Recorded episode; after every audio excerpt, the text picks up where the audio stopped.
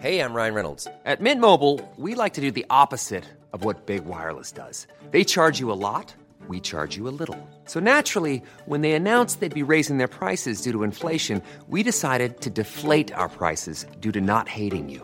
That's right. We're cutting the price of Mint Unlimited from $30 a month to just $15 a month. Give it a try at mintmobile.com slash switch. $45 upfront for three months plus taxes and fees. Promo rate for new customers for limited time. Unlimited more than 40 gigabytes per month. Slows. Full terms at mintmobile.com. Hey, it's Ryan Reynolds, and I'm here with Keith, co star of my upcoming film, If, only in theaters, May 17th. Do you want to tell people the big news? All right, I'll do it. Sign up now and you'll get unlimited for $15 a month in six months of Paramount Plus Essential Plan on us. Mintmobile.com slash switch. Upfront payment of $45 equivalent to $15 per month. Unlimited over 40 gigabytes per month. Face lower speeds. Videos at 480p. Active Mint customers by 531.24 get six months of Paramount Plus Essential Plan. Auto renews after six months. Offer ends May 31st, 2024. Separate Paramount Plus registration required. Terms and conditions apply if rated PG. Hiring for your small business? If you're not looking for professionals on LinkedIn, you're looking in the wrong place. That's like looking for your car keys in a fish tank. LinkedIn helps you hire professionals you can't find anywhere else, even those who aren't actively searching for a new job but might be open to the perfect role. In a given month, over 70% of LinkedIn users don't even visit other leading job sites. So start looking in the right place. With LinkedIn, you can hire professionals like a professional. Post your free job on linkedin.com slash people today.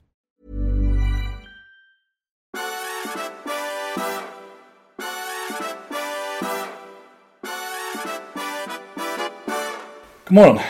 Good morning! Jaha, och vad händer nu då? Jag tänkte att vi skulle prata lite grann om det här förskräckliga ubåtsdramat.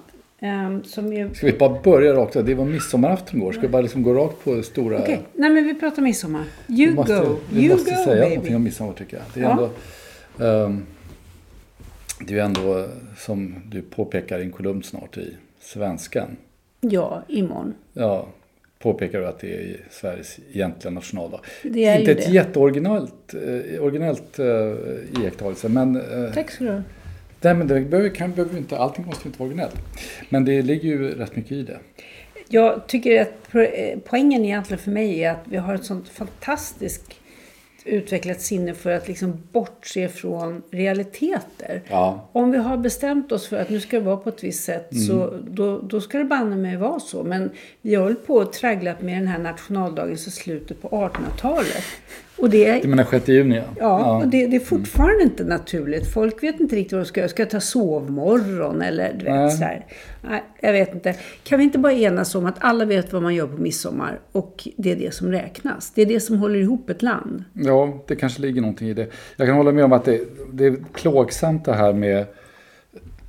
Jag står inte ut med den här eviga... Alltså att man ska fira nationaldag genom att prata om huruvida man ska fira nationaldag och i sådana fall hur. Det är fan med det tråkigaste nationaldagsfirande jag har hört talas om. Ja, och hur ska man förhålla sig till svenska flaggan? Är det Ja. okej att vifta med den? Fast det, det, det är väl förbi, är väl inte det? Kanske. Jag vet, Eh, det kanske jag vet inte inte. Nej, jag bara... Det är nog olika i det. olika län. Ja, det kanske det är. Mm. Ja. Ja, nej men jag, jag, jag måste ju säga att eh, om vi vet vad vi ska äta, och vi vet vad vi ska sjunga ja, och vet vilka vi ska vara tillsammans med, då är vi hemma. då är vi hemma som nation. Mm. Och det är vi på midsommar alltså. Ja, det är på midsommar. Okej. Ja, enkelt, men eh, läs gärna Men vi imorgon i Svenska Dagbladet. Vi firade ju igår på ett eh, korrekt sätt. Ja, det gjorde vi ju. Eh, Mm. Midsommarstång, Ja, hemmagjord ja. av vår son. Den rasade först. Men det beror på att det var så eh, torrt i marken så att det gick inte att spätta riktigt. Så jag fick lov att vattna först och sen kunde jag spätta. Torrt i markerna. Torrt i markerna ja. Men, det, men nu, den kom upp och det blev bra. Ja. Vackert och fint. Ja, och så var det ju då matjessill och... Nej, men vi behöver inte dra Nej, vi alla vet alla ju vad man, precis. vad Ja, man ja, äter vi på gjorde- midsommar. Vi gjorde ingenting annorlunda så ni kan tänka er själva. Vi behöver inte höra oss tjata om det. Ubåten sa du? Ja, alltså jag tycker det har varit en förskräcklig vecka med alla de här eh, rapporterna. Mm. Och, och det är naturligtvis konstigt många sätt och vis, många infallsvinklar. En infallsvinkel är att amerikanska medier har ju haft den här ganska humana vinkeln. Vi måste eh, hålla hoppet uppe och eh, allt ska göras och så vidare. Medan i svenska public service har man haft den där så här lite kalla, eh, bakåtlutade Eh, vad kostar det egentligen att åka med på en sån här resa? Eller eh, någonting i stil med eh, hur långt tid räcker Nu är det bara 12 timmar kvar innan syret är slut. Helt utan emotioner. Ja. Ja, Jag vet, ja, alltså hela storyn är, det är någonting som är, det, det, det är klart att det, det är uppenbara obehaget. behöver man ju inte ens gå in på, för det begriper alla. Men, men det är ju någonting med hela den här storyn som jag tycker är, det är många saker med den här storyn som jag tycker är konstiga. Alltså det blir ju konstigt på något sätt. Alltså dels är det ju, dels blir det ju lite bisarrt när man liksom, man just haft ett flyktingskepp på, på, på Medelhavet som har gått ner med kanske ja, med flera hundratals personer som har drunknat. Eh, och det får inte tillnärmelsevis lika mycket uppmärksamhet. Och jag förstår varför. Jag håller inte på att moralisera över det. Men jag säger att det liksom säger någonting om hur bisarrt det här är. Och att, att som åhörare till eh, public service Ja. vakna upp varje morgon Ja. till den här kylslagna liksom, dödsdomen som ska verkställas. Alltså, jag vet inte. Ibland står jag inte ut med Det, slags, på radion. det blir någon slags dokusåpa av det. Men sen är det ju också någonting med det här som jag har funderat lite grann på när man har följt eller inte kunnat undgå att följa det här dramat.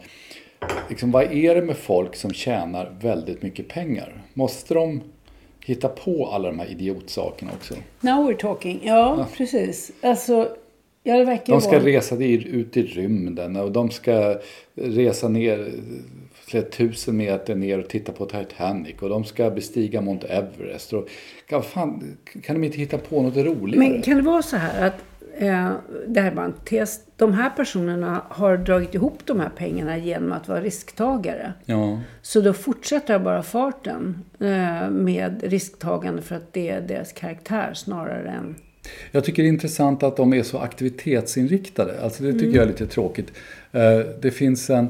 Jag förstår, liksom, vi, vi jobbar alla med att, att bekämpa ledan. Och om man då är miljardär så kan man bekämpa ledan på dyrare sätt än om man inte är det. Men, men det, är, det är påfallande få de här som verkar ha några som helst intellektuella eller andliga intressen. Utan det ska liksom... Det, det är, de är hemuler allihopa. Det ska liksom vara hurtiga, svåra, farliga, fysiskt farliga saker. Ja, men är inte nya pengar just människor som inte har suttit still en sekund och alltså följaktligen inte har läst kanske. särskilt mycket böcker. Utan de har sprungit för att nå ett mål. eh, och det här är ju inte ärvda pengar.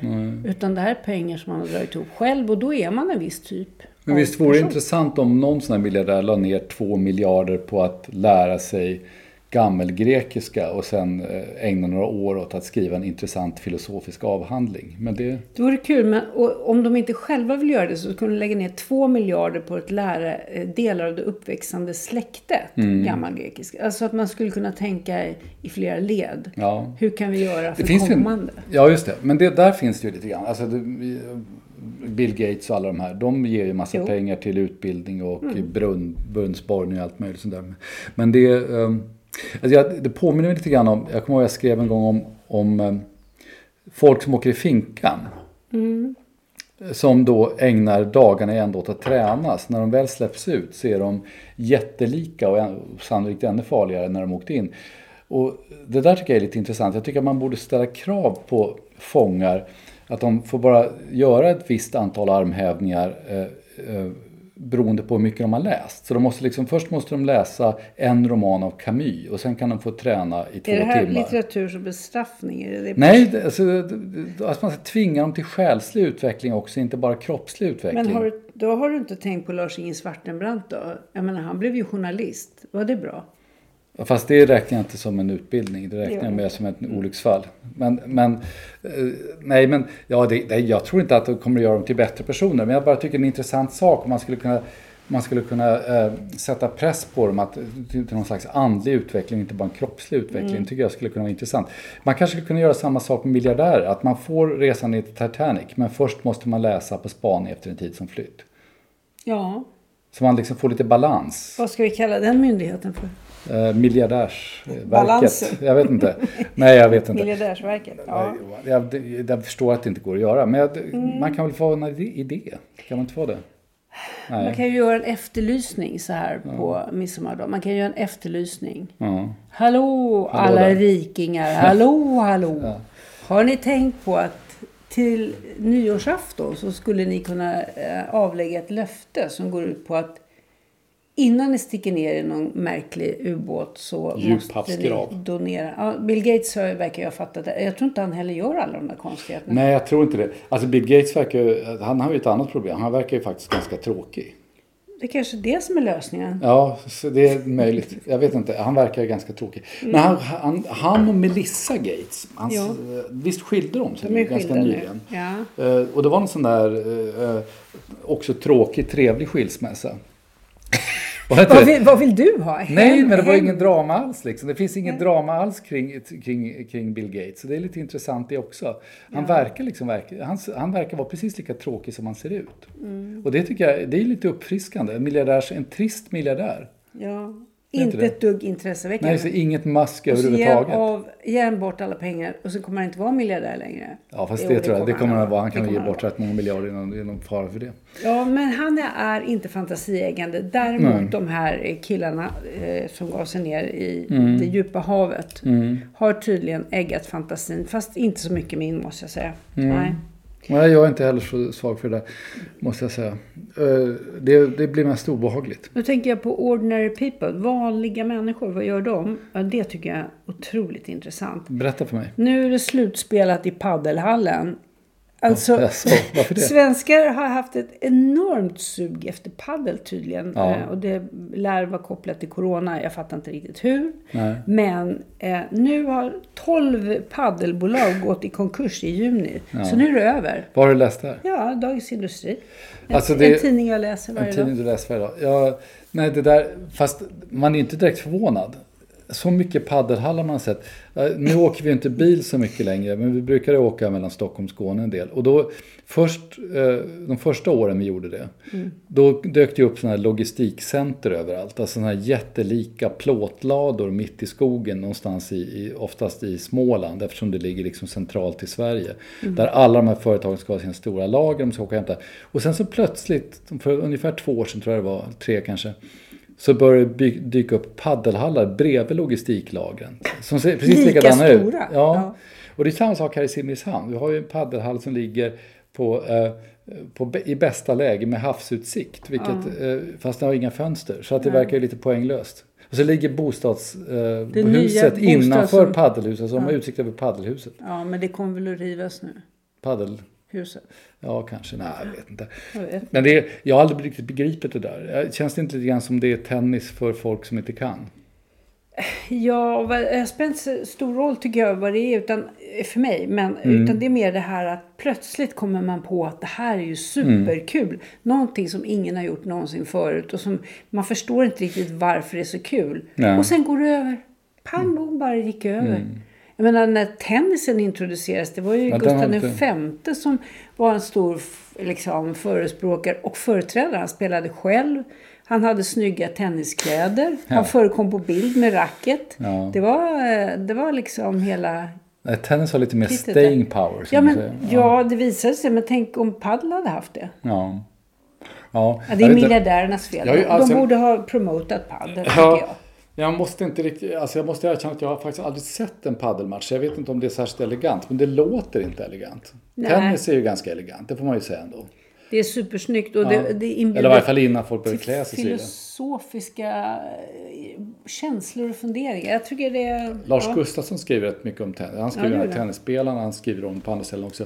Och sen så var det den här Och fantastiska sen måste boken jag som bara kom. inflika att Mats Holm i Fokus skriver Ja, mycket om tennis också. Och det var väl han som tipsade oss för många, många år sedan om den här utmärkta boken I huvudet på John McEnroe. Ja, Som är en riktigt bra liten Jättekul, bok. ja. Och som, ehm, jag är ju inte minsta, det är inte du heller, sportintresserad. Nej. Men den boken är riktigt, riktigt bra. ja.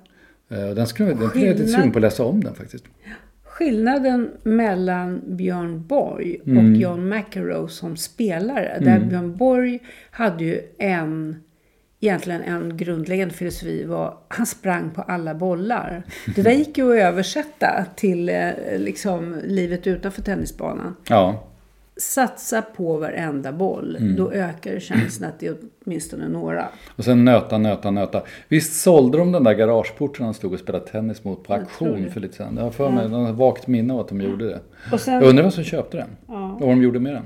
Och sen McEnroe då som Mm. eh, kastar eh, racketen på plan och förolämpar eh, domare och är allmänt bad boy. Och så Björn Borg som bara går in som en maskin. Ja. Och bara slår och slår och slår. Det var, Jag kommer ihåg någon av de första gångerna McEnroe på Wimbledon, jag vet inte, jag kommer inte ihåg om han vann det året eller inte, men då hade de eh, då hade han eh, skrikit och gapat på plan som vanligt och då hade de rubriken, om det var Times eller Telegraph, eh, hade de rubriken över hela första sidan, Superbrat.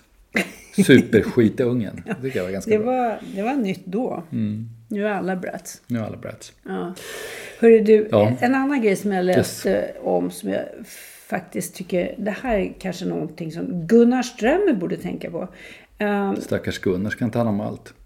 han ska inte ha semester tror jag skulle säga. Mm. Jo, det ska han säkert ha. Eh, jag tänker på i USA så får inte folk som har begått brott eh, tjäna pengar på att skriva om sina brott Ja, eller göra uppsättningar om det här. Det tycker jag är ganska smart. Mm. Det vill säga, det har ju visat sig att den här Anna Sorokin som ju, Ja. eh, ja Sen har jag blivit stämd av sin, folk. sen jag blivit stämd av sin advokat också. Hon har lurat eh, sin advokat också. Ja, ja, varför inte? Nu har hon en podcast, eh, inga likheter med vår naturligtvis. Nej. Ehm, men då skriver en konstsajt som heter Artnet om att hon eh, då riskerar att då, råka i klammeri med rättvisan ännu en gång. Tror inte det bekymrar henne ett endaste dugg.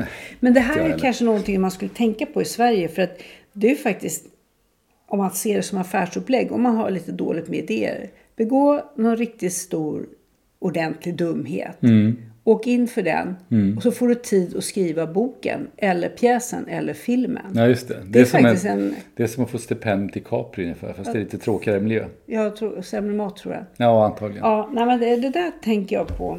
Ja. Gunnar Strömmer om du hör där. Som skrev Bitterfittan. Hon satt på en sån här metoo-rättegång och eh, tog uppenbarligen en bild från rättegången, la ut på Twitter och sen så... Eh, Och det får man inte göra. Det får man inte göra. Eh, Och sen så då när hon kom på att man inte får göra det så tog hon bort den. Och sen så, men det blev i alla fall rättegång där och nu fälldes hon nyligen för att ha gjort det här. Eh, Och det är väl, är väl bra. Men det intressanta med, med, den, eh, med den, hela den storyn är att hon då förnekar att hon har tagit bilden.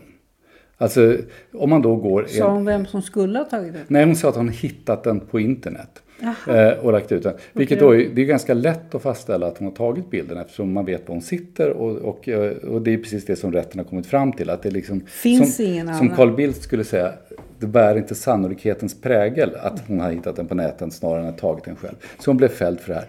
Men det där tycker jag aktualiserar en intressant sak.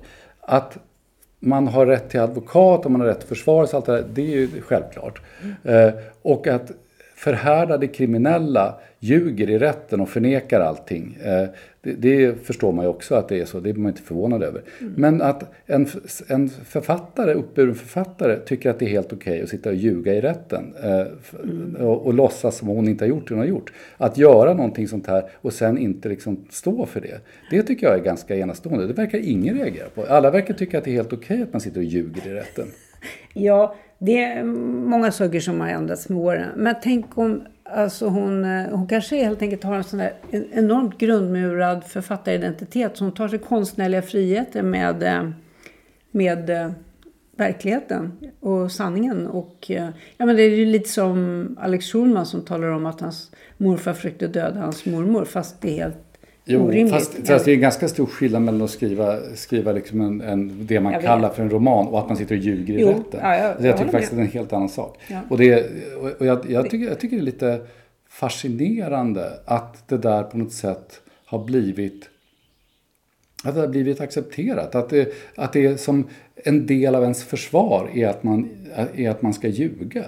Alltså, det, här är ju, det här är ju till exempel, om man nu ägnar sig åt, eh, åt eh, eh, den här typen av aktioner som, som då ska hamna i rätten, alltså civil, civil olydnad. En del av den civila olydnaden, en viktig del av den civila olydnaden är just att man står för det man har gjort och tar straffet. Man vill vara avsändare. Ja, man vill vara avsändare, man vill visa att man, man har brutit lagen därför att man anser att man har en moralisk princip som måste gå före lagen. Så Maria Sveland borde egentligen ha sagt naturligtvis tog jag bilden och Ja. jag gjorde det av den här anledningen. Ja. Därför att jag tycker att det är orimligt att inte. Ja, eller om hon nu liksom inte ens kände till att man inte får ta bilder rätt, kunde hon ha sagt ja det var dumt av mig. Ja. Det kan man ju också säga. Ja. Faktiskt. Jag gjorde fel. Ja. Ja. Ja, jag tycker det där är, Ja. jag tycker det är fascinerande. Hur den här...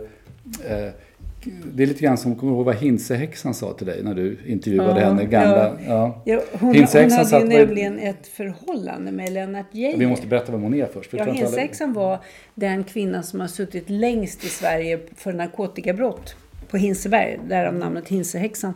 Och hon slutade egentligen aldrig eh, missbruka, men hon, hon eh, handlade ju också. Och det gjorde ju att hon åkte in gång på gång på gång.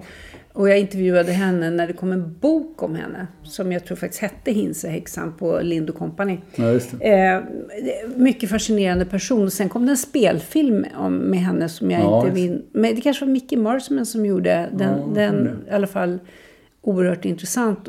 Och, och det var ju så att hon hade haft ett förhållande med Lennart Geijer innan han blev justitieminister i Sverige. Och eh, när han blev det så, ehm, ja, så slutade han ha ett förhållande. Man kan säga förhållande, förhållande. Han betalade henne för tjänster. Alltså, Jo, men hon Och uppfattade betalade- det som mer än liksom Ja. bara en affärstransaktion. Ja, Hon och- tyckte han var en, en bra karl. Ja, liksom. hon tyckte att han var hyvens kille. Och Mm. då sa jag att, men han ljög ju. I rätten, då blev hon alldeles tyst. Så tittade hon på mig och sa så här. Alla ljuger i förhör.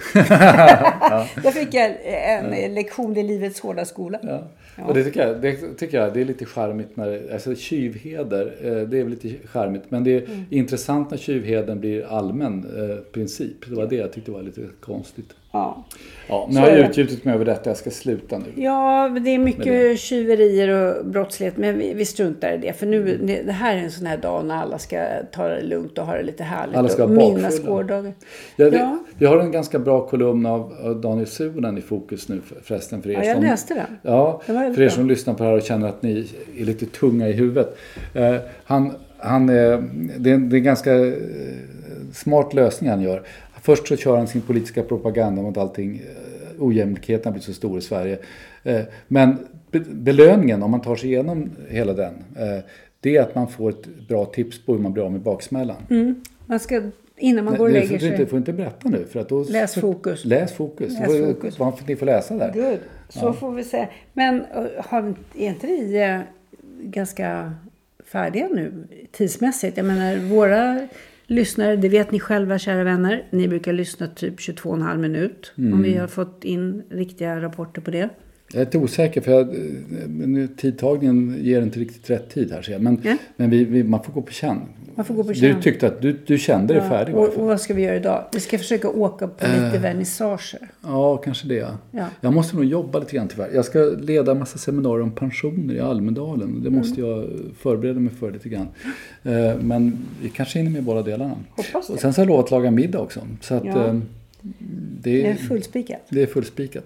Men det måste jag skryta med. Jag har klippt alla låga häckar i varje fall. Ja, Det det, är med till otroligt midsommar. vackert. Jag håller med. Ja, jag är Mycket ganska snyggt. nöjd om jag får säga det själv. Det har du anledning att vara. Tack. Tack. Ja, jag gick med hoven där lite Du grann. men gick med den och jag ställde upp på det. Ja, det är bra. Så får det bli. Ja, vi lägger av nu. Nu, nu får det vara nog. Vi Hej hörs om en vecka.